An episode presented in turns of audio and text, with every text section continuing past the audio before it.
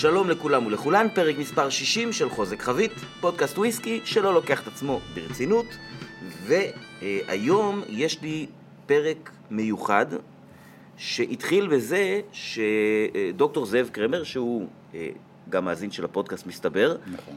ובחור מוכר בקהילת הוויסקי בארץ, אה, אחרי שהיה ב Springbank Whisky School, שבסוף הפרק הזה כולכם וכולכם תדעו מה זה, אה, כתב לי, תשמע, חזרתי מספרינג בנק, ויש לי איזה משהו לספר לך שנראה לי שיהיה מעניין לפינת החדשות, ואמרתי לו, בוא תספר בעצמך, ושזה יהיה נכון. פינת החדשות. אז אה, זהו, בעצם אה, הפרק הזה, אה, הריאיון הזה, הוא בשבילי הזדמנות גם לפגוש בן אדם וגם לשמוע חוויה שאני חושב שאין חובב וויסקי שלא היה רוצה לעבור אותה, כנראה מי שכבר עבר אותה היה רוצה לעבור אותה עוד פעם. אז זהו, אז שלום לך, דוקטור זאב קרמר, מה שלומך? שלום, בוקר טוב, כיף להיות פה. תודה רבה. זאביק. ש- זאביק, מעכשיו זאביק, אוקיי. No formalities. בדיוק. אה, אז אה, אה, למי שלא מכיר אותך, בוא קצת תציג את עצמך בלי קשר ל- לנושא ה- נושא שלו התכנסנו. אני נשוי, ארבעה ילדים. במקצוע שלי אני רופא כבר 20 שנה, יותר מ-20 שנה. אני רופא מומחה ברפואה פנימית, התמחיתי באיכילוב, אבל מהר מאוד עברתי לרפואת משפחה כי זה יותר מתאים לי. אה, קיבוצניק, גר בקיבוץ, משפעים, כבר אה, דור שלישי בקיבוץ, אה, עם כל מה שמוכר מהחיים של הקיבוץ, לינה משותפת, עבודה בשדות, עבודה ברפת,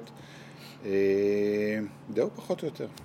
אוקיי, וקצת אה, דיברת איתי בהתחלה על הנושא הזה של חקלאות. נכון. בעצם אתה כבר בקיבוץ מצאת את עצמך מתעסק עם דגנים. נכון. אחד הדברים שאני חושב שכל כך אה, הלהיבו אותי בעולם הוויסקי ומשכו אותי, זה כל הנושא הזה של, אה, של הטבע.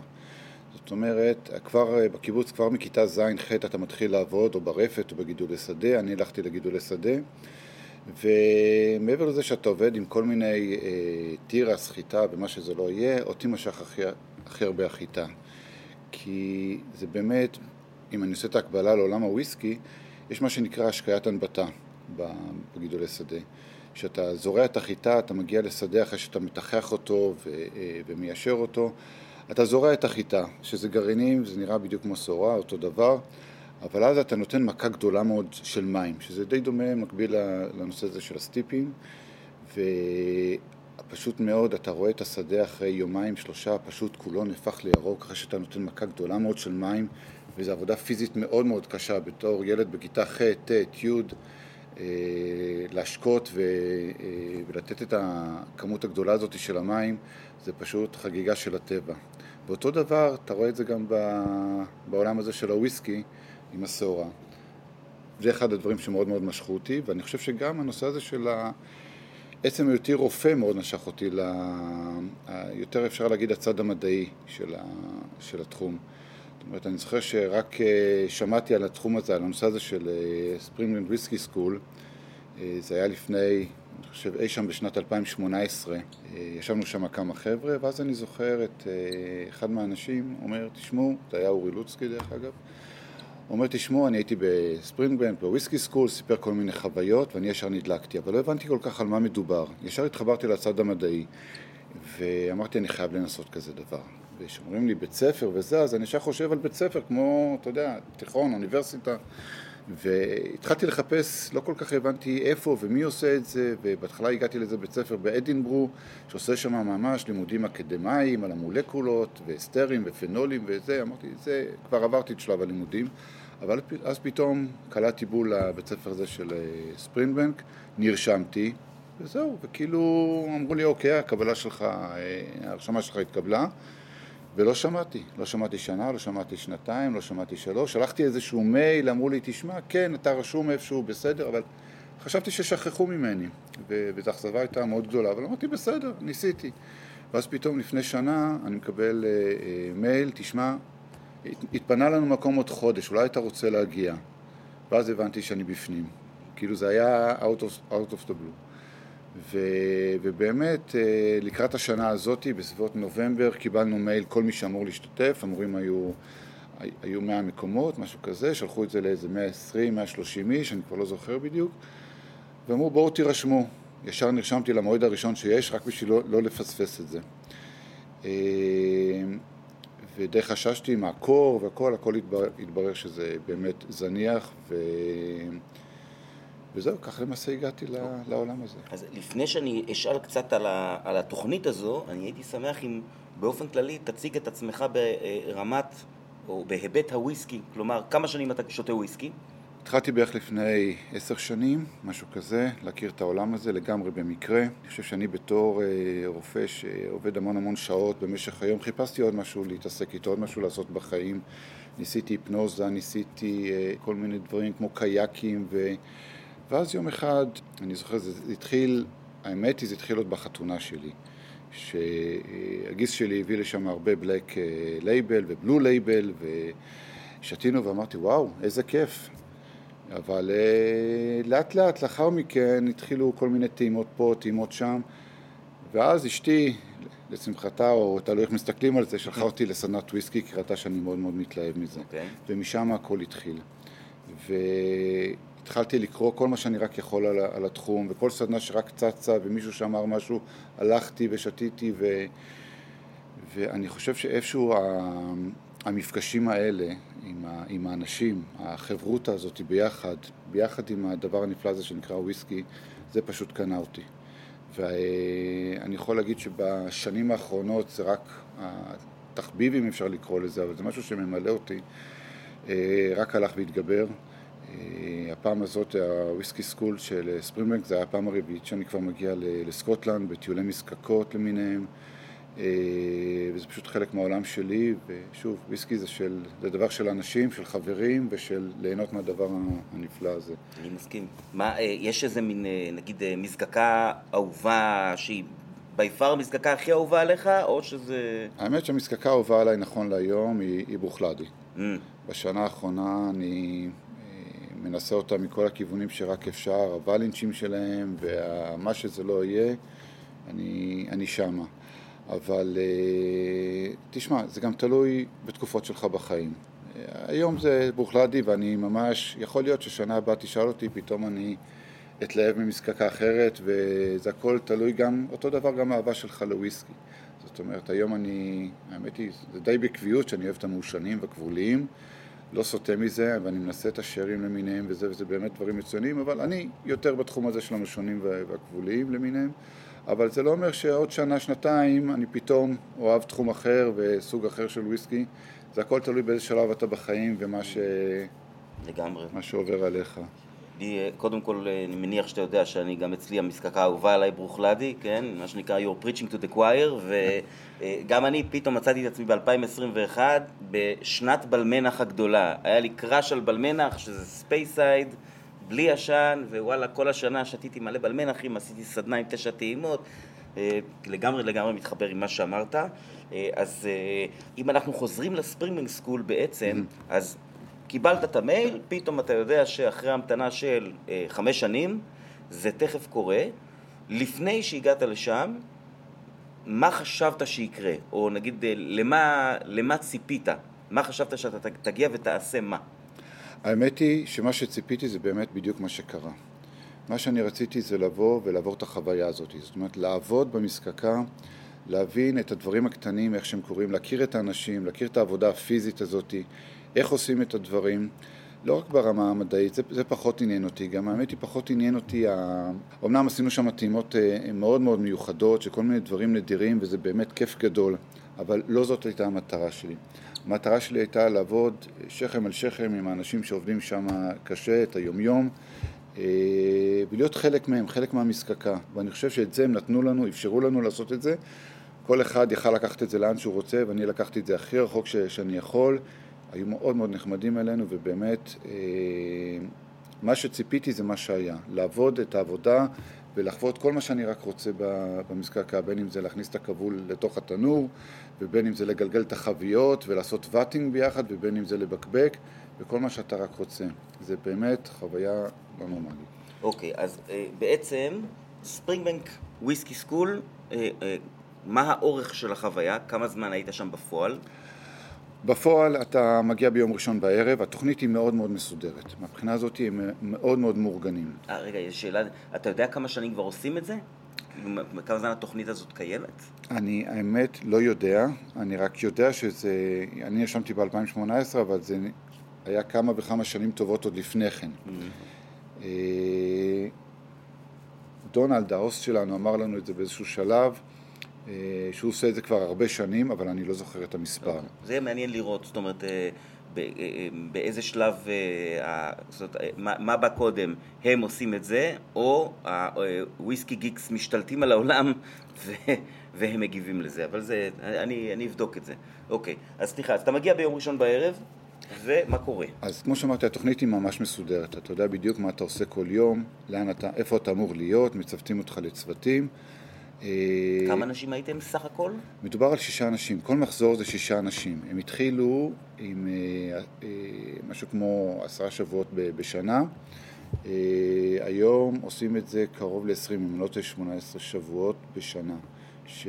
עכשיו, בכל מחזור מגיעים שישה אנשים. אתה לא יודע עם מי אתה נפגש, מי הולך, את מי אתה הולך לפגוש שם. כמו שאמרתי, התוכנית ממש מסודרת. אתה יודע כל יום בדיוק מה אתה עושה, לפעמים עושים כל השישייה ביחד עושים איזשהו משהו, ולפעמים מחלקים אותך לזוגות, ואתה עם בן זוג לאורך כל השבוע עושה כל מיני דברים בכל מיני אה, תחנות עבודה. Mm-hmm. מגיעים ביום ראשון בערב, אה, והם מאוד עומדים על זה.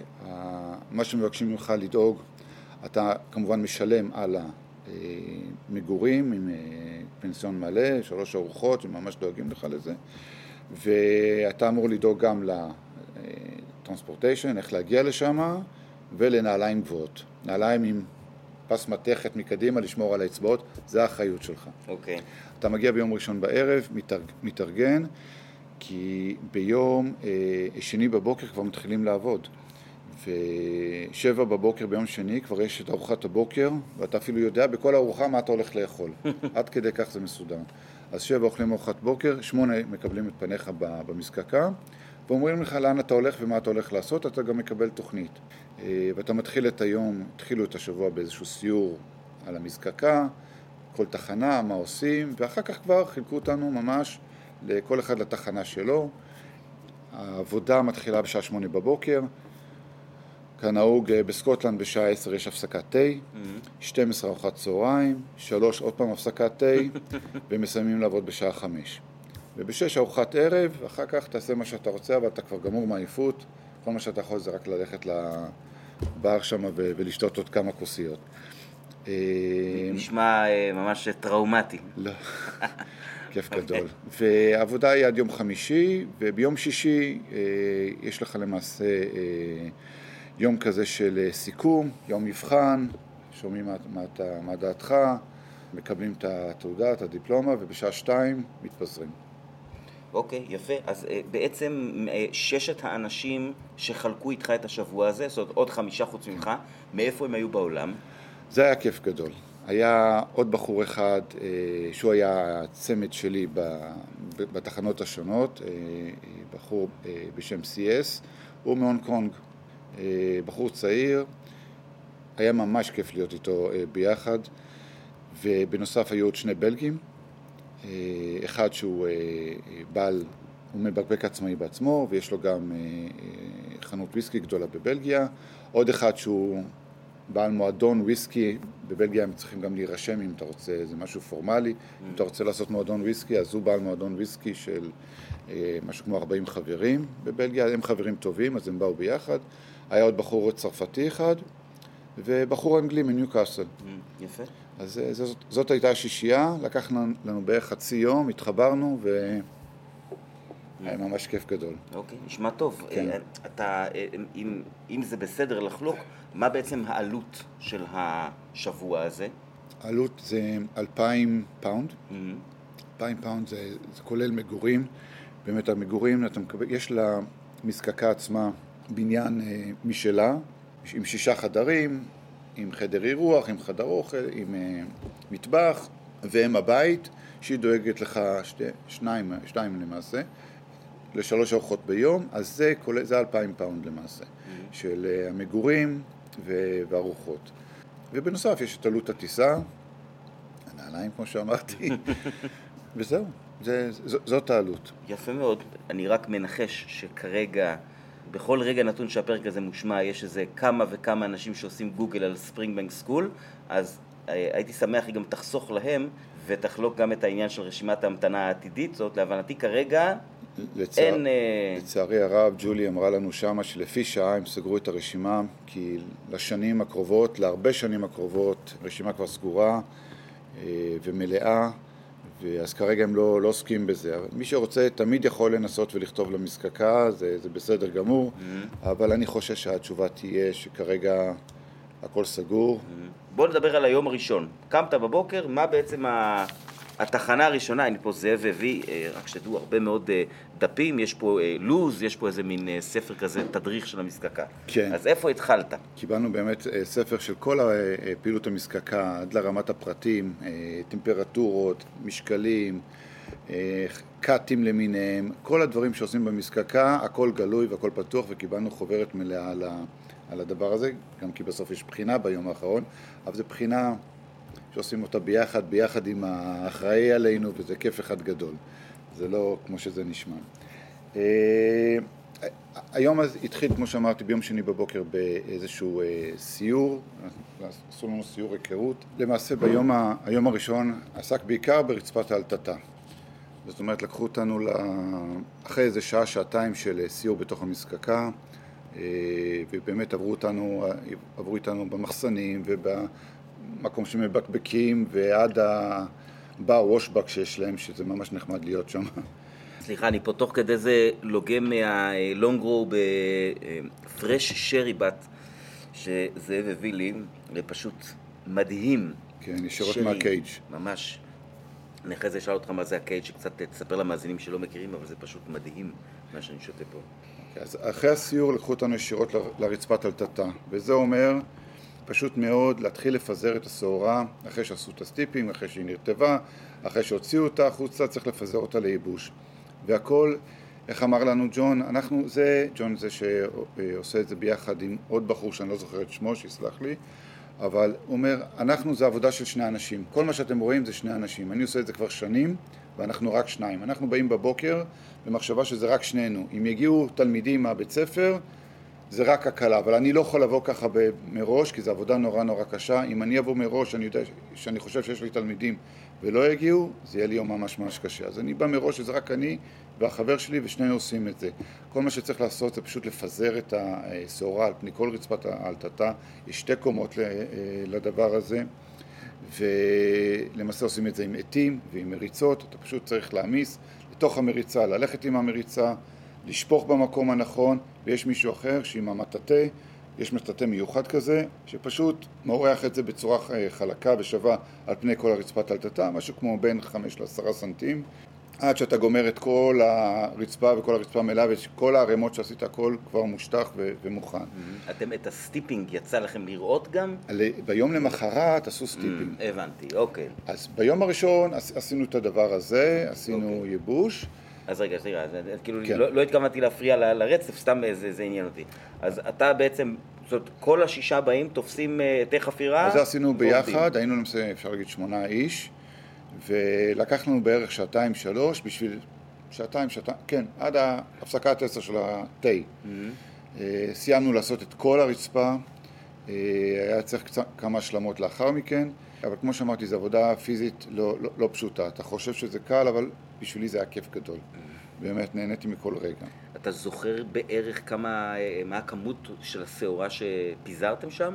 זה, זה כמה שנכנס לסטיפינג. כמות נכבדה, וכשזה רטוב, זאת שהשעורה מלאה במים אה, עוד יותר אה, כבד. בדיוק. כן. אבל שוב, אני, אני נורא פחדתי מהקור, כי באנו לשם, זה היה סוף פברואר, ואפס או שתי מעלות בלילה, וחמש ארבע מעלות בבוקר. אבל שברגע שאתה מתחיל לעבוד, אמנם החלונות שם פתוחים, ככה הם הרי שומרים על הטמפרטורה, של פותחים וסוגרים את החלונות, mm. חלונות פתוחים, אבל ברגע שאתה מתחיל לעבוד, אתה כבר מתחיל לעבוד עם חולצות קצרות, זה לא אכפת לך שזה 4-5 מעלות. אתה... כל... אז סיימתם לפזר את השעורה, הפסקת התה המסורתית, כן. ומה עלה ביום הראשון? למעשה זה היה אפילו עד ארוחת צהריים, אחר כך שלחו אותנו לעשות את הבטלים. זאת אומרת, כל uh, צמד חילקו אותנו לצמדים, ואותי שלחו עם, ה... עם אה, CS, שהוא התלמיד מהונג קונג, ללכת לעשות את הבקבוקים. באופן מעשי לא, לא הגענו, ל... הגענו לבקבוקים, היינו שם שעה-שעתיים, אבל זה היה שעה-שעתיים של כיף אחד גדול. מה זאת אומרת? אני רק בשביל להעביר למאזינים, בקבוקים אומר שמבקבקים בצורה ידנית. כן, יש, יש, נכון מאוד, יש מכונה שהבקבוקים עוברים דרכה, בהתחלה מנקים את הבקבוקים, אחר כך שמים את הוויסקי בתוך הבקבוק, אחר כך שמים את הפקק, אחר כך שמים את האריזה שעוטפת את הפקק בשביל שהוא לא יצא החוצה, שמים את התווית, מכניסים לתוך ארגזים, אז יש שם צוות של ארבעה-חמישה עובדים די קבועים. שכל מה שהם עושים, מחכים לשלב הסופי שהבקבוק יגיע, להכניס לתוך הקרטונים, לשים במקום הנכון, להכין אריזות, יש, לפעמים אתה מקבל בקבוק של Springbank בתוך אריזה מקרטון. Mm-hmm. יש מישהו שעושה את זה, שפותח את הקרטון הזה, שם בפנים את הבקבוק, סוגר את הקרטון, שם בערימה, mm-hmm. זה הכל מההתחלה ועד הסוף עבודה, עבודה ידנית. אה, האווירה שם הייתה כיפית נורא, כי יש שם בקבוקים, אתה יודע, לאורך השנים מצטברים שם בקבוקים מבקבוקים שונים. ספרינבנק 30, ספרינבנק 27, לונגרו 21, מה שאתה לא רוצה, ויש שם שולחן בצד, ששם הם שמים בערימה את כל הבקבוקים, שפה הפקק לא נכנס מספיק טוב, פה התווית לא הייתה טובה, שמים את הבקבוקים בצד. האאוטלט של חדר הבקבוק. לגמרי. ואנחנו באים, וכולם מצב רוח טוב, אז כמובן שאני ו-CS ישר ראינו את השולחן הזה. כן, לכו תיקחו מה שאתם רוצים, בואו בואו, נביא לכם גם כוסות, אתה רוצה, בוא תראה, יש פה אה, לונגרו 21 ממש טוב, כדאי לכם לנסות את הספרימים 30, בואו בואו תראו את זה, כל מיני בקבוקים, בקבוקים של קאדנהנס למיניהם, mm-hmm. רק מה שאתם רוצים, רק תיקחו. אני באיזשהו שלב אמרתי ל-CS, תשמע, אני כבר לא יכול, בוא תיקח ממני מה שאתה רק רוצה, אני כבר... ניסיתי כל כך הרבה שזה כבר היה יותר מדי. אני חושב שזה אה, זמן טוב לציין, כאילו זה, זה משהו ש... אה, אני אה, יצאתי מנקודת הנחה שהוא ברור לכולם, מזקקת ספרינג בנק שנמצאת בקמבלטאון, הוקמה ב-1825 או 6? 8.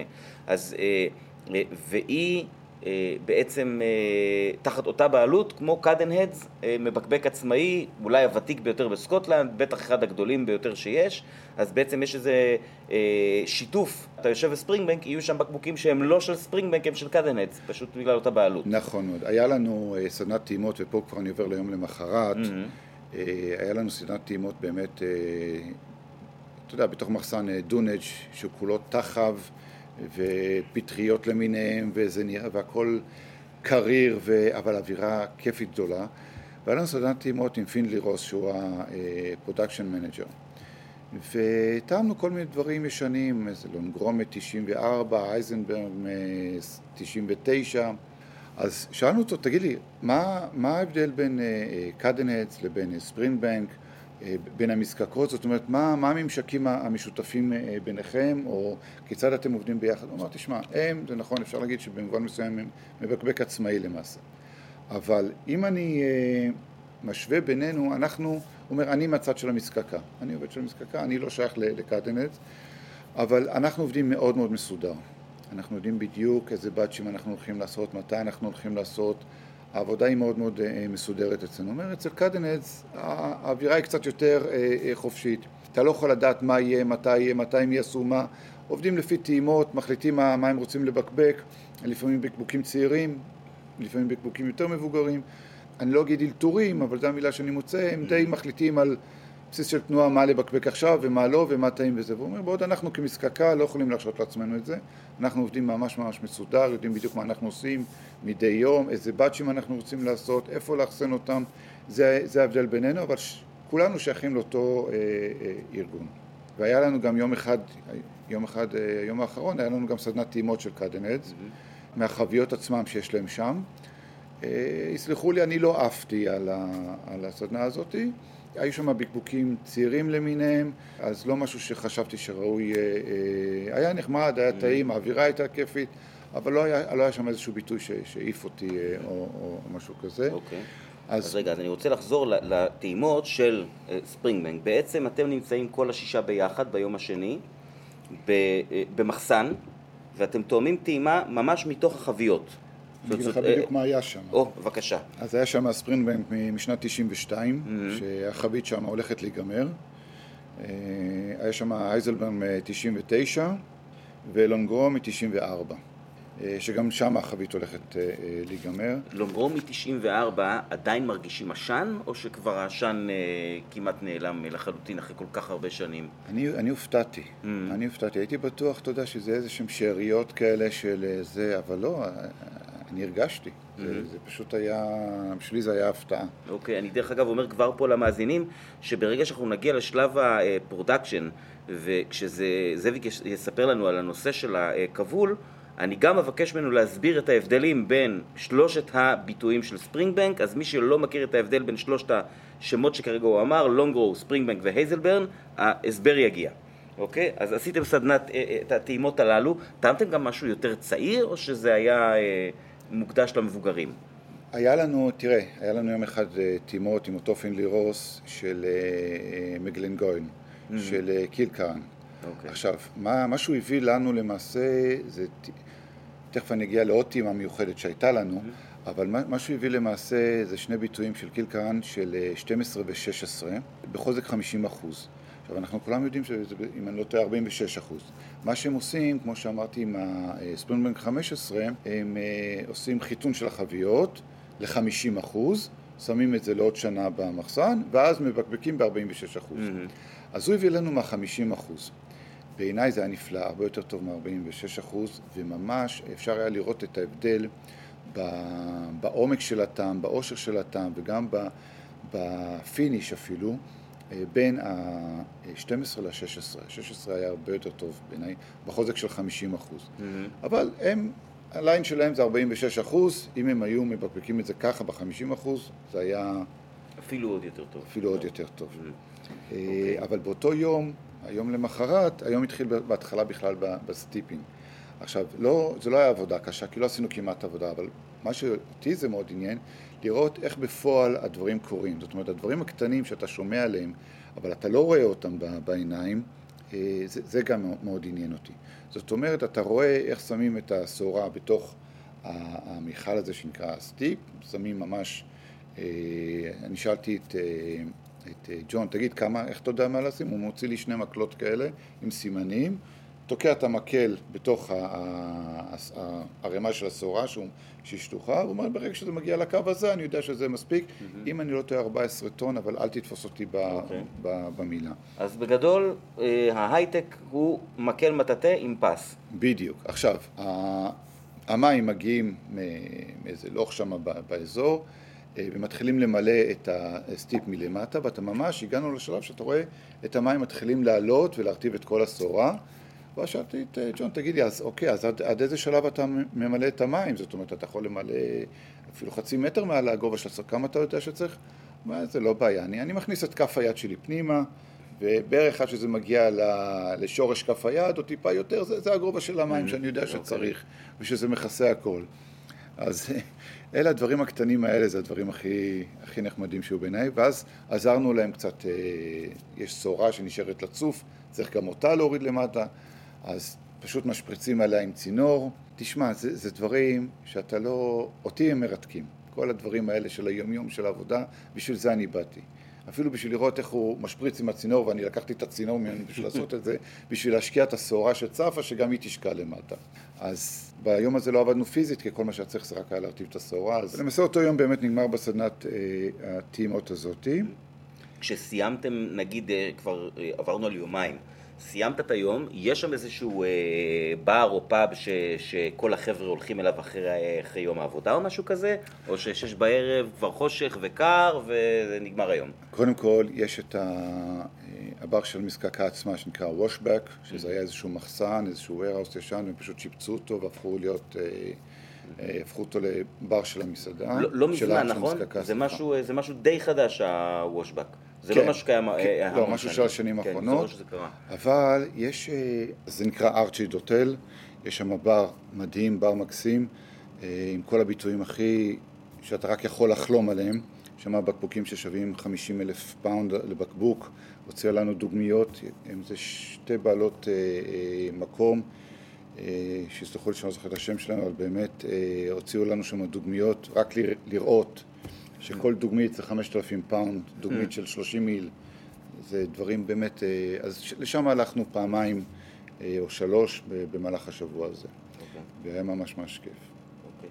יפה. אז אה, בוקר ליום שלישי, ומתחילים לעבוד אה, ב, אה, בקילן, הגיע הרגע. אז כן, היום האחד לפני האחרון עבדנו ב- בקילן, ובשבילי זה אה, היה חידה. זאת אומרת, אני תמיד שאלתי את עצמי איך מגיע החום מהתנור, שבו אתה שם את הכבול, או, או החימום אה, אה, במפוח, יש להם מפוח כזה שמפזר אוויר חם, איך זה מגיע ישירות עד, עד הקילן.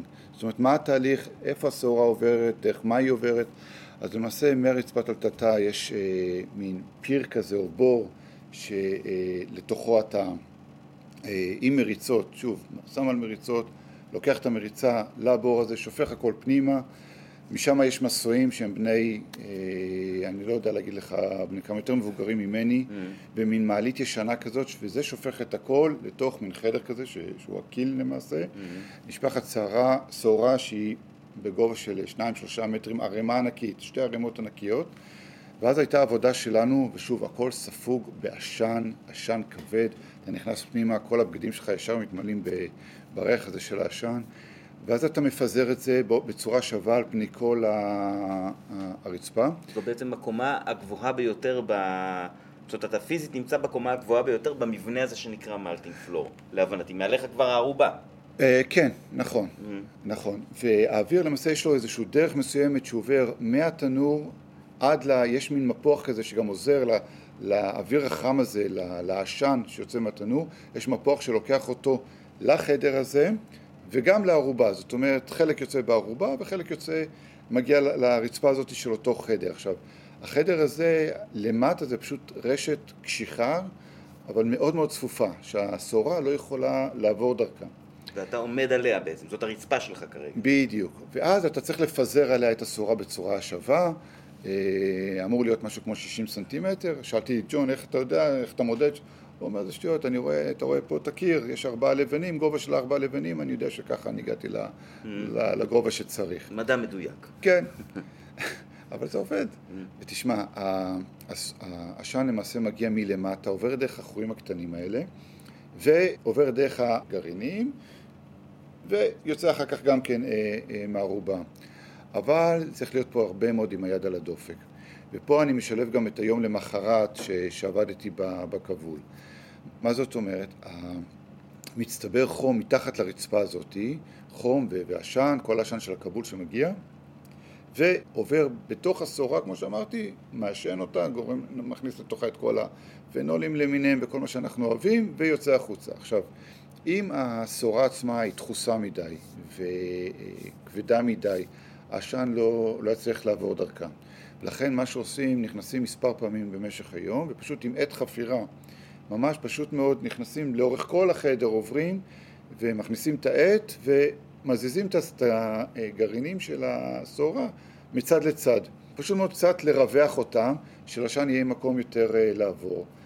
וזה, תחשוב על זה מספר פעמים ביום, להיכנס לחדר כזה מלא עשן, ופשוט זה לוקח לך משהו כמו איזה חצי שעה לעבור על פני כל החדר הזה בשביל לרענן את השעורה. אבל... נכנסים עם מסכות או איזה משהו כזה? זאת אומרת, יש איזה משהו שעוזר לך להתמודד עם ה... או שאתה לא רוצה להתמודד עם ה... אה, לא ראיתי אותם עם מסכות, נכנסים לעשות את זה. אה, עכשיו, ביום למחרת עבדתי באמת בלהכניס את הכבול לתוך התנור. עכשיו, יש שם ממש טמפרטורה מאוד מאוד אה, מיושן. זה איזושהי מחט שנעה על פני ציר, ציר של זמן של אה, מעין... אני אעלה את התמונות, אחרי זה צלם וגם אעלה תמונות כאלה לעמוד של, ה, של הפודקאסט. כן, מעין, מעין אה, מודד טמפרטורה מאוד לא דיגיטלי ולא שום דבר. הטמפרטורה צריכה להיות מתחת לקיל, משהו כמו סביב ה-140 מעלות. Mm-hmm. מתחת לרצפה הזאת. מעל זה כבר, אם אני לא טועה, 60 מעלות. אל תתפוס אותי במילה, אבל הם בעיקר חשוב המתחת. כשאתה שם את הכבול בתוך התנור, כל החום הזה מצטבר, הולך דרך המפוח, מגיע לשעורה, אתה צריך לראות שלא יצטבר יותר מדי חום למטה, כי זה יכול פשוט לפוצץ את, את הכל. ואז אתה צריך, אתה רואה שמצטבר יותר מדי חום, או למעלה מ-40, אתה הולך, אתה מפזר את השעורה. פחות מדי מ-140, יורד ל-130, 120, אתה יודע שאתה צריך מהר מאוד לשים עוד כבול פנימה בשביל שהחום יצטבר. זה מין משחק כזה. Mm-hmm. אבל הם עובדים למשל על לונגרו. לעשות לונגרו זה 48 שעות שהכבול עובד. אוקיי, אז רגע, אז בואו נעשה עכשיו באמת את ה... תסביר לנו את ההבדל בין הביטויים. בעצם יש לנו פה, אם אני זוכר נכון, שני דברים שמבדילים בין שלושת הליינים של ספרינגבנק.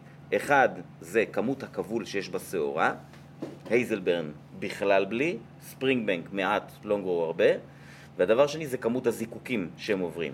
נכון. אני אגיד את זה באופן מאוד מאוד כוללני ולא לא ארד יותר מדי mm-hmm. לפרטים. אז ככה, אה, מבחינת העשן והכבול, הכבול וכמה שמים לכל אחד, אז ספרינבנק למעשה אה, משתמשים בשש שעות, שעות של כבול, ולאחר מכן אוויר חם.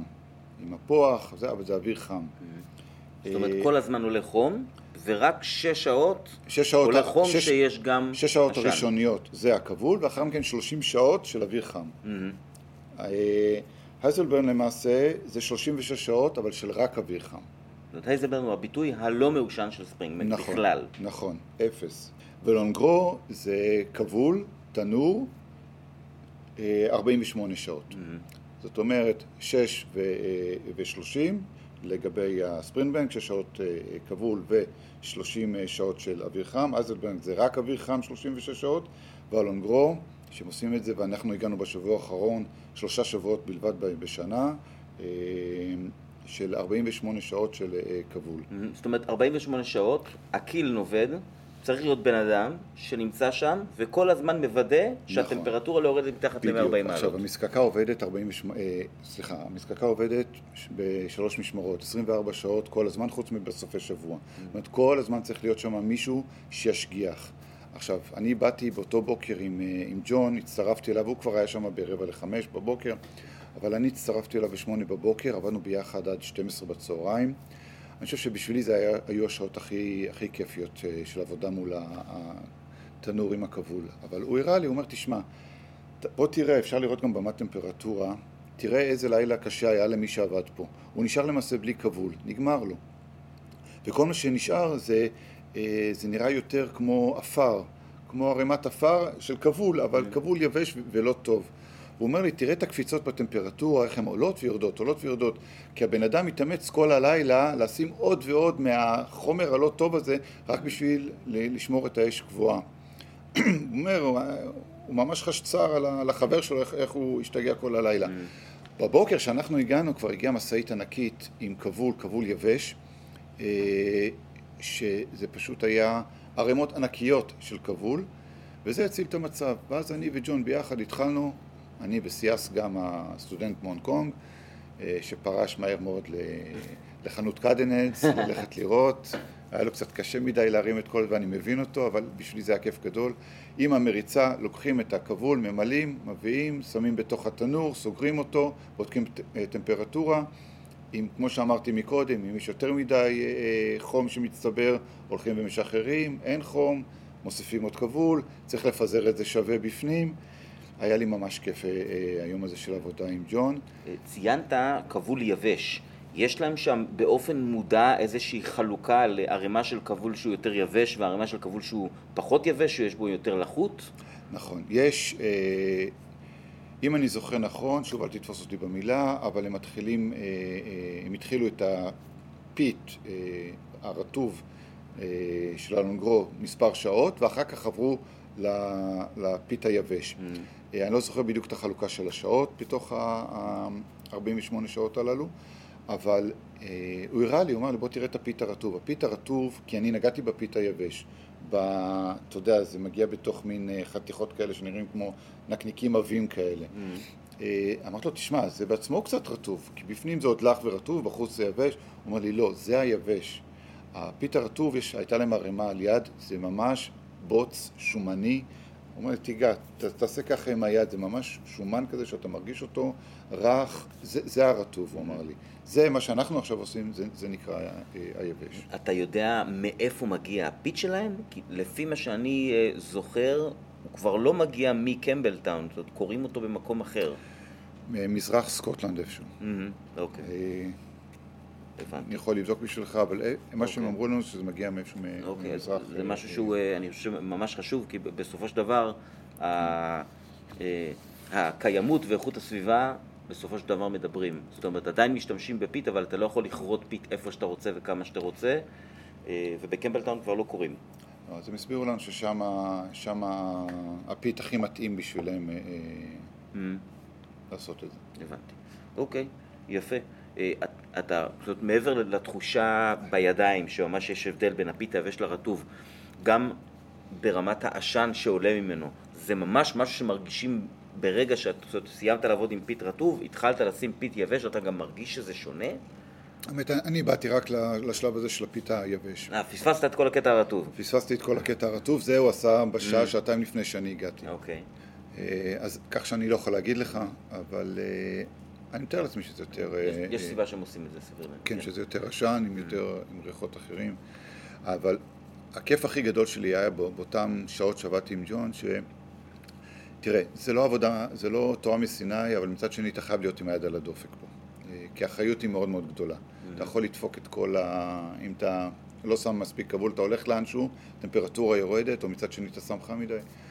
אז בשעה האחרונה, יותר ויותר, במיוחד בסוף של השעה האחרונה, ג'ון נתן לי להיות אחראי שם לבד על, ה, על הכבול. והוא הלך, הוא הלך לרצפת אלטטה, הלך לראות עם חברים, הלך לראות מה עם הכבול החדש, מתי יביאו אותו, וזה אמר, אתה יכול להסתדר פה לבד. עכשיו, אני מוצא את עצמי, כן, זאביק, מק- מקיבוץ שפיים, אה, חובב וויסקי, אה, אחראי על ה... אחראי על עושרם של הרבה מאוד אנשים, כן, ועוד הרבה שנים. אחרי על הלונגרו 23 של ספרינג בנק, עכשיו תשמע, אתה יכול להסתכל על זה ולצחוק ולגחך, להגיד, זה משהו, אה, מה זה הזוטות האלה, אבל בשבילי, בשביל גיק וויסקי שכמוני, להיות אחראי בשעה האחרונה ולשים את הכבול בתוך התנור וללכת כל פעם להסתכל בטמפרטורה, עכשיו אני צריך להוסיף יותר, פחות, לסגור, לפזר קצת יותר. נלחצתי גם לפעמים, הטמפרטורה עלתה לי, רגע, מה, אני הולך לדפוק את הלונגרו של ספרינגבנק בשנה, מה, יבוא אליי? ורק וויסקי גיק אמיתי יכול להבין כמה שתנור יכול לעשות לך חרדת ביצועים. אבל uh, בשביל זה למעשה אני הגעתי לשם, בשביל זה באתי, בשביל החוויה הזאת, בשביל החוויות האלה. בשביל כל הדברים הקטנים האלה שאתה רואה ואתה עושה. בשעות שלאחר מכן הצטרפתי לצוות של ה... אה, וגם למחרת רצו שאני אלך לבקבוקים, אז אני הצטרפתי לצוות של הזיקוק ולצוות של ה... אה, שמתעסק עם המשתן, בקיצור כל מה שקשור לתהליך של הזיקוק. אז אה, דיברנו קצת על הכבול, השוני בכבול. יצא לך לעבוד באיזושהי צורה עם דודי הזיקוק, או בצוות שמתעסק עם זיקוק באיזושהי צורה? כן, א', גם, ב, גם, ב, גם בזיקוק עצמו, בתהליכי הזיקוק עצמו, ומאוד היו, אני חייב לציין, כל השבוע הזה מאוד נחמדים והסבירו לנו, אפילו אם לא הבנתי משהו פעמיים ושלוש, הסבירו עוד פעם ועוד פעם, היו ממש נחמדים.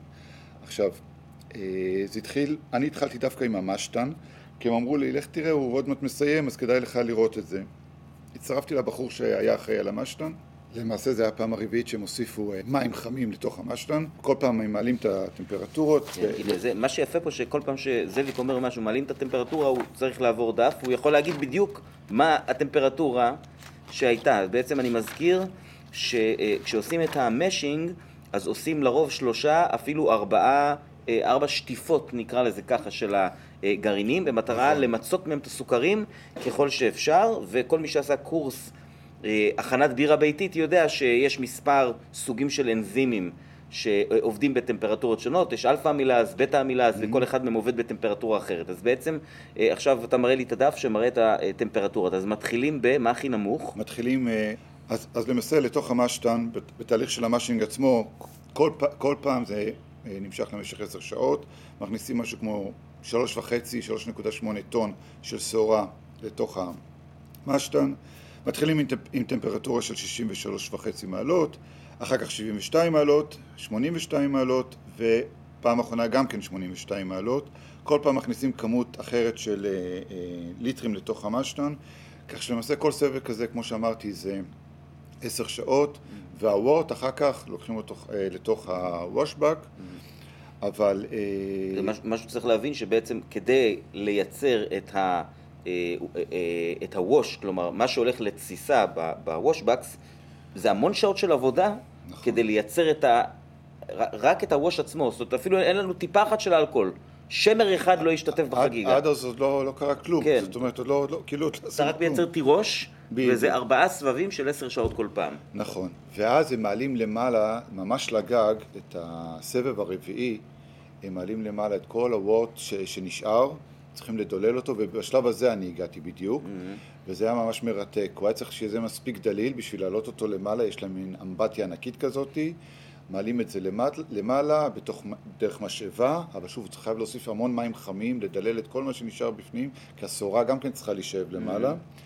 ואז למעלה מה שהם עושים אה, זה מין אמבט אחד ענק שגם כן היא מסננת מתחת שהוורט, הוורט הרביעי לא משתתף בתהליך הזיקוק, הוא הולך לפעם החדשה שמתחילים את התהליך זיקוק ואז נשאר שם ה- ה- ה- אה, הדרף, כן? נשאר שם הדרף, וזה, יש שם חורים כאלה שפשוט פותחים, ושוב פעם, עם עטים צריך להכניס לתוך החורים המיוחדים האלה בשביל שירדו למטה על העגלה של הטרקטור. אוקיי, דראפט זה בעצם אה, השעורה שנשארה אחרי שמיצינו ממנה את הסוכרים, שזה לרוב הולך להיות אוכל של פרות. של אה, החקלאי השכן. נכון, והם כל פעם באים עם טרקטור, מגיע מישהו ולוקח את זה. אה, ואז אתה מגיע לתהליך הזיקוק עצמו. עכשיו יש להם שם ווש סטיל ושתי לואו וויין סטיל. אה, אז, אז עכשיו יהיה רעיון טוב לעשות את החלוקה למי שלא מכיר את המזקקה מבחינת ה, אה, שלושת הביטויים. אה, הייתי, למרות שזה כאילו הכי מסובך כביכול, הייתי רוצה שנתחיל דווקא עם הייזלברן, שהוא כאמור הביטוי הלא מעושן. אה, לא, אוקיי. למעשה, אתה רואה, נתנו לנו חוברת מיוחדת, כי בסוף הוויסקי סקול יש לנו גם בחינה. נתנו לנו חוברת מסודרת, ממש שם כתוב כל הדברים, אז אני, כפי שאתה רואה, אני מדי פעם אה, מעיין בזה. אוקיי. אה, למעשה, תהליך הזיקוק הוא שונה בין הלונגרו, בין האייזלברן ובין הספרינגברן, ונגענו כבר בעניין הזה של הכבול. ההייזלברן הוא אה, למעשה שלושה זיקוקים, אחד אחרי השני. כל, כל שלושת דודי הזיקוק משתתפים בתהליך שלו. נכון. אלונגרו זה רק שניים, מהמם. שני דודים. אוקיי, כש, אה, כשאתה אומר שני דודים, אז בעצם בלונגרו הם מוותרים על הדוד האמצעי, אם אני זוכר נכון, זאת הדוד הראשון והדוד השלישי. נכון. נכון, אם אני זוכר גם נכון, הם מוותרים על השני. מהמם. והספרינטבנק זה כאילו נחשב התהליך הכי אה, אה, מורכב אה, מהבחינה הזאת שהם קוראים לזה שניים וחצי סבבים, למעשה מדובר על 2.8 כי הם עושים זיקוק בווש סטיל, עוד זיקוק בלואו ויין סטיל ו-0.8 מהלואו ויין סטיל הראשון הם עושים זיקוק נוסף פעם נוספת. הבנתי. כאשר שוב זה מחולק, חלק מהנוזל חוזר חזרה לרסיבר ועוד פעם יוצא ל-low one seal השלישי. זה קצת מורכב, אבל בגדול זה יותר 2.8 אה, סבבים מאשר... אה, זאת אומרת, כשאתם שותים ספרינגבנק, קחו בחשבון שחלק מהנוזל זוקק פעמיים, חלק זוקק שלוש פעמים, יותר, אבל אה, כל הנוזל קיבל שש שעות כבול, זאת אומרת, השעורה שהיא קיבלה שש שעות כבול. כן, ו- ועוד 30 שעות של אוויר חם, ו-2.8 אה, אה, זיקוק. אוקיי, וכשאתה אה, עבדת אה, בזיקוק, זאת אומרת, באיזה צורה אפשר לקחת חלק פעיל בדבר הזה? אה, מה, מה בעצם עושים?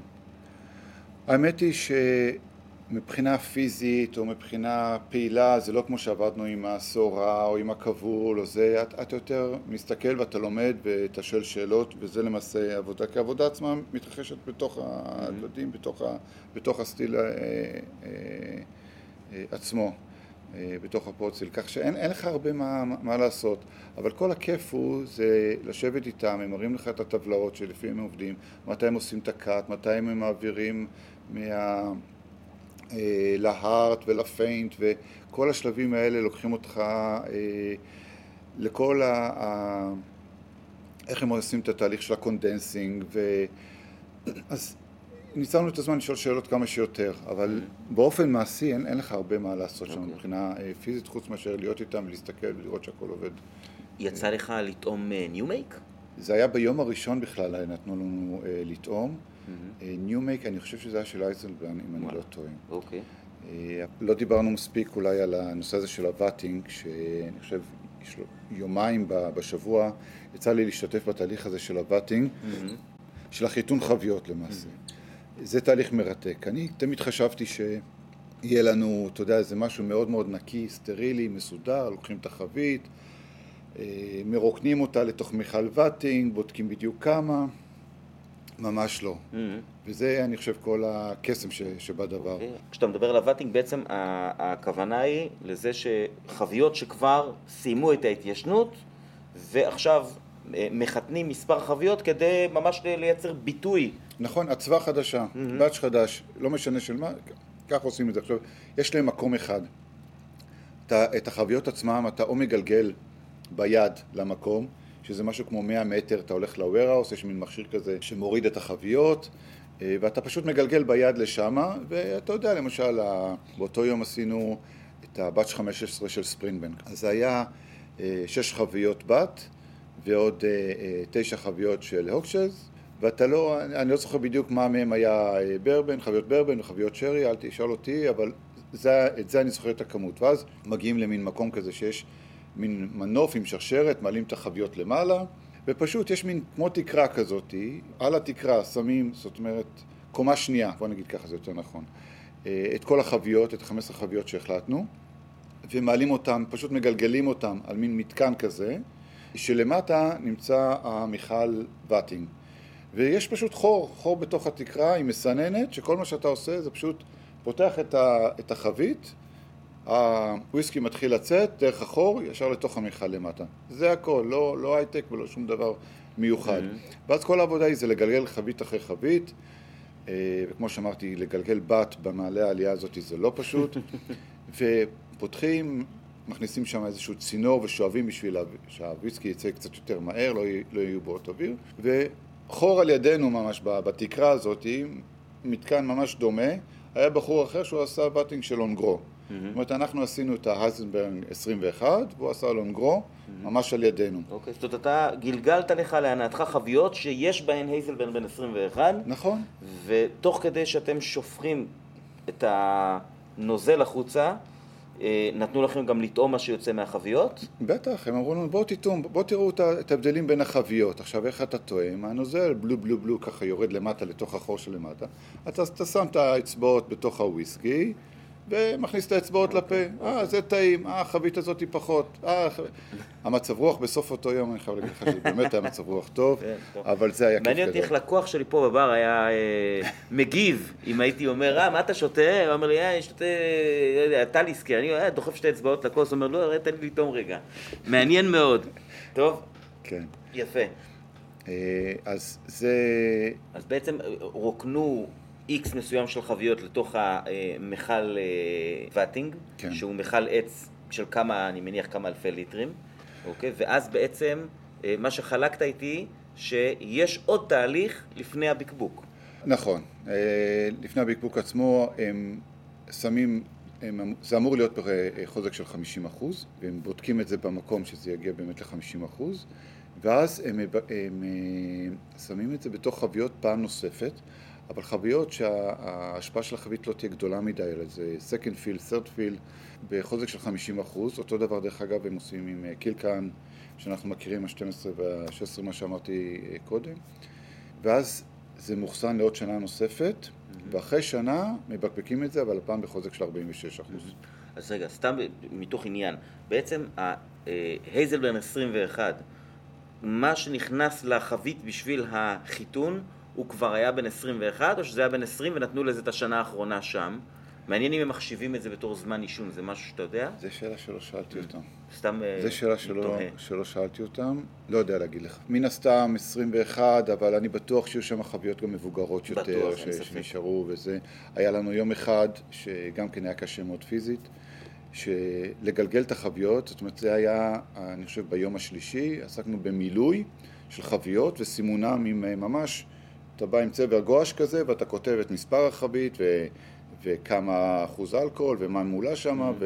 ומה הולך להיות ואני ספרתי שם, אחרי שלושים ומשהו חביות הפסקתי לספור, זאת אומרת עשרות חביות שזה היה אמור להיות הייזלברן עשר. Mm-hmm. אז uh, פשוט מילאנו את החביות, יש להם מין מתקן אוטומטי כזה ש, שממלא חבית אחרי חבית. התפקיד שלנו היה בתור התלמידים זה לסגור את זה עם הפטיש, לגלגל את זה החוצה, כל חבית לסמן לפי מה שהם אמרו לנו. ואחר כך את כל אותם עשרות חביות גם לקחת ולגלגל ולשים בתוך מחסן מסוים, וזה עשינו כולם ביחד, וזה היה מחסן של דונג' כזה, שאתה נכנס, וכמו שאמרתי, הכל טחוב ומלא פטריות, ומה שאתה לא רוצה, ויש מכשיר כזה שאתה מעלה אותו לקומה למעלה, ואז יש שני קרשים מעץ שעליהם אתה מגלגל את החבית. אז הבאנו קרשים חדשים, אבל הם היו ארוכים מדי, בלטו מדי, אתה צריך לנסר את זה. אבל זה כיף גדול, כל ההתעסקות הזאת, אמנם עבודה פיזית, אבל עבודה פיזית של, אה, של כיף. והם אמרו לנו, תבואו עוד עשר שנים, יהיה לכם פה Hazelburn אה, עשר.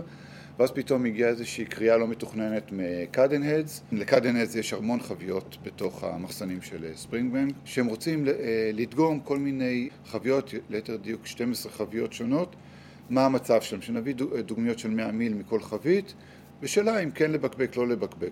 חביות של קאולילה, של אה, טולי ברדין, של אה, מקדף, עוד הרבה מזקקות אחרות. אז נתנו לך דף ביד ואמרו לך כן, עכשיו אני, אני לא הולך לבד, אני הולך עם אה, איאן, שזה התפקיד שלו, אבל אמר בוא איתי אני צריך אקסטרה הנדס שיהיה איתי. אחרי שהוא שואב, שמישהו יחזיק את הכוס, שמישהו יחזיק את הזה, בשמחה רבה, אין ספק. אז הלכנו למחסן הזה, למחסן ההוא, עלינו למעלה, ירדנו למטה, מכל חבית הוא בא עם מין צינורית כזאתי. או, או עם הוולינץ' או עם אה, צינורית מסוימת. הרוב היה עם צינורית כי זה הכי נוח, כי צריך להגיע לחבית שהיא רחוקה יותר. Mm-hmm. פותח, מכניס את הצינור, עושה שאיבה, ואז אתה יודע, כמו שפעם היינו ממלאים, אה, מוצאים דלק מהאוטו, אז אותו דבר, עושה שאיבה, מתחיל לצאת את הוויסקי, מכניס את זה לתוך איזשהו בקבוקון, סוגר ונותן לנו ישר לטעום. תשמע, מבחינתי כל החביות האלה היו מצוינות. כולם. דווקא הטעימה הזאת, בניגוד לטעימה הקודמת של קדז, כולם היו מצוינות. ואולי האווירה, אולי אני לא יודע מה, אבל uh, ככה עברנו, אנחנו התחלקנו לשני צוותים, אנחנו הספקנו לעשות שמונה אה, חביות, צוות אחר ארבע חביות, היה יופי של טעימה והבאנו לקדנץ שיטעמו את הזה. אז זה היה יופי ש, ש, של בלטם. מה שכן, הם, אה, הם התחילו לעבוד קצת בתפוקה מקסימלית שהם יכולים, זאת אומרת, הם עובדים נכון להיום בשלוש משמרות, חוץ מאשר סוף שבוע. Mm-hmm. אה, זאת אומרת 24 שעות אה, של עבודה. באמצע, לקראת הקיץ הם עושים הפסקה ועוברים לגלנגייל ל-12 שבועות. פעם זה היה פחות שבועות, אבל הם עכשיו עושים את זה כ-12 שבועות. אז הם הקימו שם מחסן חדש, רקהאוס, אה, לא דונג', רקהאוס ענק של 7,000 חביות, היכולת שלו. אז גם לשם נכנסנו והראו לנו, הם, הם מתפתחים. ואם אני כבר נוגע בנושא הזה של המחסן, אז שתי חדשות שהייתי רוצה אה, לשתף. אחד, נתחיל עם חדשה אה, שרק יצאה ממש עכשיו, הם פרסמו, ולנו הם אמרו שהם הולכים לפרסם, אבל בינתיים בימים האחרונים הם פרסמו את זה, הם פרסמו את אה, סדרת ה Countdown שלהם, mm-hmm. כאשר בשנת 2028 זה הולך להיות חגיגות ה-200 שנה למזקקה. יוציאו כל שנה 500 בקבוקים למכירה. כל אחד יכול להשתתף, לא רק חבר ה Society של Springbank, כל אחד יכול להשתתף בזה. ה ballot, זה יהיה, זה יהיה ב ballot, וה ballot יתחיל ביום שני הקרוב, mm. אה, למשך שבוע. שוב, הם שולחים את זה, בדקתי אם שולחים, מי שיזכה, הם שולחים גם לישראל. Okay. אוקיי. אז, אה, אבל המחיר, אני לא יודע מה המחיר, אחד מהעובדים זרק לי 2,500 פאונד לבקבוק. Mm. אני ראיתי בפרסומת שזה, שהם שלחו במייל, זה Springbank של 27. אה, שנה, אני לא זוכר בדיוק מה הרכב חביות. אז לכל uh, המאזינים והמאזינות עם הכיסים העמוקים, שאין להם שום בעיה להוציא 2,500 פאונד על בקבוק וויסקי, צריך לשים לב לבלות הזה. כן, עכשיו שוב, זה מה שאחד העובדים אמר לי. Mm-hmm. אני לא יודע, לא רוצה להגיד סתם, צריך לחכות ליום שני ולראות, כי בדרך כלל הם עושים, לך תדע. Mm-hmm. קיצור, שווה לבדוק בכמה ימים אחרים. אוקיי. Okay. החדשה יותר מסירה מבחינתי, זה שספרינגווינג למעשה הולכת אה, לפתוח מזקקה חדשה. וואלה. ממש מזקקה חדשה, אה, קטנה יותר, בתחומי המזקקה. Mm-hmm. הם הראו לנו שם, יש איזה מבנה קטן יחסית בין גלנגייל לספרינגווינג, יש איזשהו מין מבנה כזה, הם אמרו כנראה שמה זה יהיה, אבל אם לא, זה יהיה ממש בתוך שטח המזקקה. זאת תהיה מזקקה, כמו שאמרתי, יותר קטנה, שהמטרה שלה תהיה יותר ניסויים שונים ומשונעים, כי הם עד היום עובדים כבר מעל למאה שנה באותן שיטות, באותם דברים, לא, לא השתנה שום דבר. אז פה הם רוצים לעשות, זה יהיה שטח משחקים שלהם. סוגי שמרים שונים, mm-hmm. אה, קאטים שונים, אה, טמפרטורות שונות, זמני אה, זיקוק שונים, הכל הם הולכים לנסות, כאשר למי שיהיה בבית ספר, יהיה תפקיד מכריע שם לעבוד במזקקה החדשה הזאת. התאריך היה, כמו שאמרתי, הוא 2028, וכולם סיפרו לנו על זה בהתלהבות. הם עוד לא יודעים איך זה ייראה בסופו של דבר, אבל זה, זה הרעיון, מזקקה חדשה בתוך תחומי... אה, חדשות מעניינות מאוד. כן. אני חושב שזה גם אה, משהו, אה, לפני איזה כמה חודשים עשו משהו דומה בגלן מורנג'י, פתחו איזה מין, מין מזקקה בתוך מזקקה שקראו לה The Lighthouse Distillery, mm. אז זה מעניין כי אנחנו רואים עוד ועוד שמצד אחד מזקקות רוצות להתנסות ולעשות דברים חדשים כדי לבדוק, כן. ומצד שני הצרכ... הצרכנים, אנחנו, לא מאפשרים להם, כי אנחנו רוצים עוד מהחומר וגם ככה אין מספיק, בטח שמדובר בספרינגבנק. אוקיי, זה... יפה, תודה רבה שחלקת את זה איתנו. בבקשה. עכשיו, עוד, אם אנחנו כבר נוגעים בנושא הזה, רק דבר אחד שרציתי באמת להזכיר, כי דיברתי על זה עם פינלי רוס, אמרתי לו, תשמע, זה לא שהוא חבר אישי שלי, כן? אבל זה בתוך השיחות ש, שהיו לנו. אמרתי לו, תשמע, המזקקה פה עובדת, איך אמר לי אחד העובדים, מותר להגיד פאקינג ב... מותר, בוודאי, מותר ורצוי. הוא אומר לי, אחד העובדים היותר ותיקים, הוא אומר לי, תסתכל, תסתכל על הרצועות שיש, ועל המנועים שהולכים פה, ועל כל המסועים הישנים שיש פה, וכל זה, it's a fucking museum, הוא אומר לי. והוא צודק. זאת אומרת, זה באמת מזקקה שאתה רואה, אומנם מתגאים, ובצדק, זה נורא יפה לראות את כל התהליך מההתחלה ועד הסוף, אבל יש שם חלק מהתהליכים שהם מאוד מאוד ישנים. ומי ש... וזה גם שומר על השם הטוב של המזקקה וגם על האיכות של הוויסקי. מסכים במאה אחוז. העובדים עצמם, במיוחד אלה שעובדים ב... ב... ביומיום במזקקה ובעבודה הפיזית, עובדים מאוד קשה ואני מאוד מעריך אותם על זה בשביל לשמור את השם הזה. זאת אומרת, עם ציוד כל כך ישן, הם צריכים לעבוד עם הידיים ועם העטים ויש לי באמת הערכה מאוד מאוד גדולה על כל הזה אה, אבל אני שאלתי את אה, פינלי, אה, רוס, תגיד לי, למה אתם לא... פה הרצועה הזאת היא כבר עוד מעט מתפרקת, ופה כל המסוע הזה הוא כבר מעץ שרואים שהוא כבר בן מאה שנה, וזה למה, למה לא להחליף, למה לא קצת לחדש? אמר לי, תראה, זה השם שלנו באמת. 200 שנה המזקקה קיימת, כמעט 200 שנה, אז תמיד היו שינויים אם משהו התקלקל או נשבר, זה לא משהו בדיוק היה לפני 200 שנה, אבל אנחנו נשתדל לעשות את זה ככה, שמשהו לא, שלא ישפיע על הטעם ועל תהליך ה... העיבוד של הסורה והתוצאה של הטעם הסופי של הוויסקי אנחנו לא ניגע בו. למשל, אבל אם יש מסוע שלוקח את הסורה מנקודה א' לנקודה ב' והסורה רק רצה לאורך זה והוא כבר הולך להישבר וזה, אז נעשה משהו קצת יותר מודרני. איך הסורה עוברת מא' לב' זה לא משפיע שום דבר על הטעם. אבל לא נשנה את התהליך של המשינג או את התהליך הזיקוק או כל הדברים האלה, בזה אנחנו אה, אה, לא ניגע, זה חשוב לנו אה, מאוד לשמור.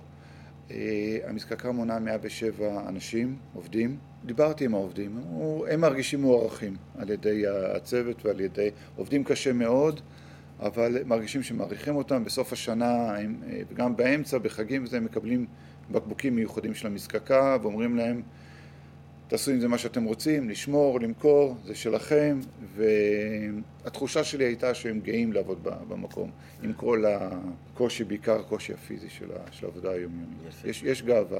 הייתי שמח שתספר לנו, זו גם תמונה שאני אה, גם אשים בעמוד של הפודקאסט וגם העליתי אותה עכשיו לטוויטר. בעצם יש פה בקבוק שהוא אה, מה שנקרא אחד מתוך אחד, שאתה אה, הכנת בעצמך. והייתי שמח אה, לשמוע על החוויה הזאת, זאת מה, מה עשיתם, מה, מה נתנו לכם אה, אה, לעשות.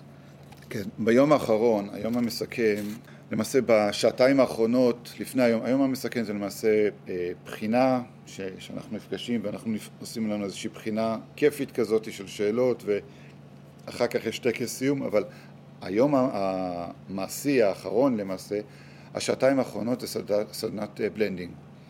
ולמעשה אתה מקבל את הזכות לעשות וויסקי משלך, מ blend אה, משלך, מתזקיקים שונים או מוויסקים שונים של, אה, של Springbank. עכשיו, אתה מגיע למקום שנראה ממש כמו מעבדה. הכל לבן, הכל מצוחצח, יש לך פלסקים ויש לך מזרקים ומכשירי מדידה ויש לך כל מה שאתה רק רוצה. ואתה מקבל 500 מיליליטר מכל אה, חבית שיש שם, שממנה אתה אמור לעשות בלנד של 700. Mm-hmm. עכשיו, אה, אני רק אגיד לך מה אנחנו קיבלנו שם, איזה חביות היו שם. אז היה שם פרספיל ברבן ברל בן, אה, אה, בן 14, הייתה שם חבית, הכל ספרינבן, כן? הייתה שם חבית של ריפיל סאוטון, הוקשלס, בבת 11 אה, ריפיל של פורט, אה, היה שם refill של rum barrel, בן 15 היה שם refill של שרי, בת 11, ו first fill sherry, בת 14, שהיא הייתה אדומה כמו, ועשירה. עכשיו, אתה, אתה מתחיל לעשות את ה blending משלך. אתה, רק של להסביר למאזינים, קיבלת פה אה, אה, sample משש חביות שונות. כל, צריך... כל sample זה 500 מיל. ואתה, ואתה צריך להגיע ל-700 ולייצר בקבוק אחד בשבילך. נכון. שהוא אה, כרגע נמצא פה לידינו. וזה יהיה בקבוק שיהיה כתוב עליו ספרינטבנק, מתי הוא בוקבק, השם שלך מודפס עליו. זה משהו שאתה הכנת. אין, אין עוד בקבוק כזה, כתוב האחוז שלו. אז שמע, זה חוויה לא נורמלית, כי אתה טועם, אתה עושה מדינות כאלה, אתה שם את השרי, זה פתאום נמצא, נראה לך קצת מתוק מדי. אז אתה מתחיל מההתחלה, ואז אתה מוסיף מהפורט, ואולי רק מה... עם הרום, ואתה ממש אה, לומד לדעת את ההבדלים. mini master distiller כזה, mm-hmm. ש, ש, של לטעום ו, ולראות. לאט לאט מרוב טעימות המצב רוח גם נעשה יותר טוב. נמצא איתנו גם האחראי, שהוא כמובן חייב לטעום ולבדוק מה אנחנו עושים, mm-hmm. אז גם הוא במצב רוח טוב. באיזשהו שלב התחילו שם בדיחות בהונג קונגית, בדיחות שרק הונג קונגים מבינים אותן, בדיחות שרק בלגים מבינים אותן, בדיחות ישראליות שכנראה רק אני מבין אותן, אבל אחרי כל כך הרבה טעימות וזה, לא משנה מה אמרת, כולם הבינו את הבדיחות וצחקו מהם, היה, הייתה אווירה ממש כיפית. Mm-hmm. אבל uh, uh, בסופו של דבר אני הרכבתי בקבוק, בעיניי הפרסט פיל uh, ברבן ברל היה הכי, בן 14 היה הכי טעים. אם היה אפשר הייתי עושה את כל ה-700 רק ממנו. Mm. אז לקחתי 500 ממנו ולקחתי עוד 200 אה, מיל מריפיל פורט, אה, בן 11, ו... וזה הבקבוק שלי, והוא כאן. יפה. אז יש לך ספרינג בנק שלך, שבעצם הגיל הרשמי שלו הוא בעצם 11, נכון? כן. אוקיי. אה, מה אחוז האלכוהול שלו? 54. 54 אחוז, סך הכל מכובד. אה, יפה, מה, מה אתה מתכנן לעשות איתו? הוא ייפתח מתישהו, שזו מזכרת שאתה תשמור אותה... כי זאת, אה, יש פה גם בקבוק מהקייג' שאתה תכף תסביר לנו מה זה, שאותו כבר פתחת, אה, והבקבוק הזה שעשית הוא מה, מה יהיה איתו? אז זו, זאת שאלה טובה. Mm. כרגע אני פשוט מבסוט שהוא קיים. וויסקי בסך הכל נע בשביל לשתות, אני לא, לא עשיתי בקבוק בשביל שיהיה במוזיאון. אני לא חושב ש... זה יהיה בתקופה הקרובה, mm-hmm. אני אהנה ממנו שהוא קיים, ומהרעיון שהוא קיים. אני מניח שמתישהו אני, אני אפתח אותו. מתי? אני אמצא איזשהו אירוע mm-hmm. מיוחד, אה, קרוב לוודאי גם עם עוד כמה חברים, mm-hmm. ו, ונעשה את זה. אוקיי. Okay. אז אה, בעצם אנחנו, תוך כדי הקלטת הפרק הזה, אנחנו לוגמים לונגרו עם אה, צבע של אדום כל כך עמוק קשה להסביר, זאת אומרת מי, שלא, מי שעוקב אחרי ברשתות וראה מבין במה מדובר. אה, ובעצם אני מקריא למאזינים את התווית, יש פה תווית שפשוט ממלאים אותה ידנית. אה, warehouse מספר 15, יש פה long row שכתוב לידו long row FS, כלומר fresh sherry, חבית שרי אה, במילוי ראשון, 53.8% אלכוהול, גם הגיל שלו הוא 15 שנים, וכתוב purchased by זאב קרמר, מילאו את השם שלך עליו. אז בעצם, מאיפה מגיע הבקבוק היפה והפשוט הזה? זה, זה, זה בקבוק שהוא כן. אה, פשוט בקבוק סתמי כביכול עם מדבקה. נכון. קודם כל יש שם, בשעה עשר בבוקר נפתחת החנות של אה, ספרינטבנק ואני מאוד ממליץ אה, להגיע לשם.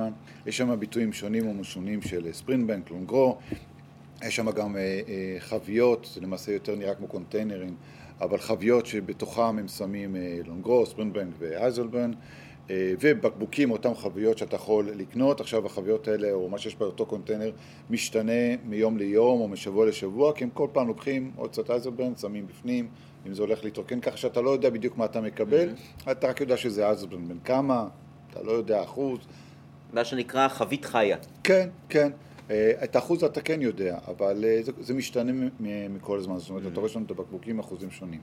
ויש שם את הקייג'. הקייג' זה בקבוקים כמו שאתה אה, הקראת עכשיו, זה נראה יותר, אני לא אגיד ארון, זה נראה יותר כמו כלוב. אני יודע שהיו גרסאות קודמות של הכלוב הזה שהוא נראה אחרת, שהוא היה במקום אחר, אבל עכשיו הוא נמצא שם, זה ממש כמו, נראה כמו כלוב. ארון לא גדול מיוחד, שסוגרים אותו, אם יש כמו רשת כזאת שסוגרת אותו, סוגרים אותו עם מנעול גם אם צריך. כל מבקר שמגיע לשם יכול לקנות רק בקבוק אחד משם, זה בקבוקים מיוחדים. במשך היום, ארבע, חמש פעמים במשך היום, ממלאים את הקייג', גם כן לא בהרבה בקבוקים, כל פעם בערך באיזה עשרים בקבוקים, משהו כזה, מוצאים, שמים בקייג', קייג' מתרוקן כי באים מבקרים, קונים וזה, ואז אחרי איזה שעה, שעתיים שמים עוד בקבוקים בקייג', זאת אומרת אם אתה מגיע לחנות שמה ואתה רואה שהקייג' ריק, אתה יכול לשאול אותם, תגידו מתי אתם מביאים בקבוקים חדשים, יכול להיות שעוד חמש דקות יביאו ו... mm-hmm. ושווה לחכות לזה. אז הם מביאים כל מיני חביות ודברים מיוחדים שיש להם. זאת אומרת, אלה חביות שפשוט אה, מישהו בא ושאב בקבוק או שניים מאיזושהי חבית, מילא את הפרטים וזה פשוט הולך להימכר ככה. נכון, אוקיי? זאת צריך נכון. להבין, שהמאזינים יבינו שלא מדובר ב... אה, זה אפילו לא סינגל קאסק, כי החביות האלה לא באמת בוקבקו. שאבו מהחבית בקבוק שניים שלושה, קאסק סמפל, ומי שיש לו מזל נכון, כמוך, קונה את הדבר המדהים הזה. נכון, ואתה יכול לקנות לונגרו, אתה יכול לקנות אה, הייזלבנק, אתה יכול לקנות ספרינטבנק. אז לנו בתור סטודנטים אפשרו במקום אחד לקנות שניים כאלה. Mm. וככה לבן אדם שמגיע מהרחוב, אה, אחד. אחד, כן. אתה יכול לצאת ולהיכנס או שהם לא קונים את זה? תראה, פה אני אגיע אולי קצת עם העלייה של ספרינבן וכל הפופולריות בשנים האחרונות, נעשה גם פה מעין אה, שוק שחור. Mm-hmm. זאת אומרת, הם ידעו לספר לנו, הם יודעים את זה שתיירים רגילים שמגיעים קונים אחד, אבל יש כאלה שמנסים לעשות מסחרה. הם מנסים לשחד עובדים, זה הצד הפחות יפה. בואו, העובדים לא עושים את זה. Mm-hmm. ככה הם אמרו לנו בעצמם, הם מרגישים גאווה מקומית, ואחריות הם לא, כולם אמרו לנו את זה. אבל אנשים מקמבלטאון עצמה, בוא, תבוא, תקנה בשבילי, תעשה בשבילי, ת, תשלח לי. Mm-hmm. אה, זאת גרסה מאוד מאוד מוזרה של ילד בן 16 מחוץ לפיצוצייה, שואל אותך אם אתה יכול לקנות לו סיגריות. נכון, נכון. וזה אה, זה לא קורה הרבה, הבנתי. מה ההיקף של זה אני לא יודע, אבל זה, אבל זה קורה. כן, כל מי שקונה באוקשנים או עוקב אחרי השוק המשני רואה שבכל auction יש בקבוקים כאלה שמגיעים לשוק המשני ונמכרים בטח בפי כמה וכמה מהעלות שלהם ב cage. לצורך העניין, אם אתה מוכן לספר, הבקבוק הזה כמה שילמת עליו, אני, מנח... אני יכול לנחש? אני מנחש 75 פאונד. אה, זה כתוב. כמה? 75 וואו, פאונד. וואו, 75 פאונד, אוקיי, עכשיו, זה יפה. לא רק 75 פאונד. אני בתור סטודנט קיבלתי 10% הנחה עליו. תשמע, אז אתה מבין? כן. אז אני אכלתי וקניתי שני Longrow. Mm. ולא... מאותם שניים לא. כאלה? אחד כזה? אחד, לא. אחד טיפה יותר צעיר וחביות אה, פחות דומיננטיות mm. מבחינה של, ה... okay. אוקיי. של השרי. Mm. תשמע, זה פשוט מדהים. השרי פה יבש, יבש, יבש. אני פשוט מתענג על הדרם הזה. כן, ועשיר כל כך. כן. ו... והשרי גם לא... אתה יודע, הוא, הוא לא יותר מדי דומיננטי. זאת אומרת, הכבול, העושר, זה לא, זה לא שאתה מקבל חבית פצצת שרי לפנים. כן, העשן מאוד מאוד מורגש. כן, ותראה, בן 15 ואתה מרגיש את העישון כן, שלו. לגמרי. אני חושב אבל שאני לא אשאיר אותו, מן הסתם הוא לא יישאר הרבה זמן אה, מלא, הוא יתרוקן די מהר. כנראה. גם כי הוא מאוד מאוד טעים, וגם כי יש לי חשש שה... האפקט של הכבול ילך ויעלם ככל שהוא יהיה פתוח, אז אני... למרות שזה תמיד החשש שלי, כי מצד שני, חבית שרי כזאת, בטוח שתתחמצן מדהים. כן. אז אתה אז זהו, מפסיד משהו אחד, וכן, מרוויח משהו אחר. בדיוק. אוקיי, יפה מאוד. תשמע, זאב, השעה חמישה לאחת עשרה, אני חושב שזה היה זמן הגג שאתה הקצבת לי. אוקיי. כן, אני רוצה להודות לך על הזמן שחלקת איתי ועם המאזינים. זה התחיל בתור זה שפשוט רצית לחלוק איתי שני אייטמים. כן. והנה בסוף באת לפה, אה, הצלחת להוציא אותי מהמיטה בשמונה בבוקר ביום שישי, זה לא קרה כמה וכמה שנים,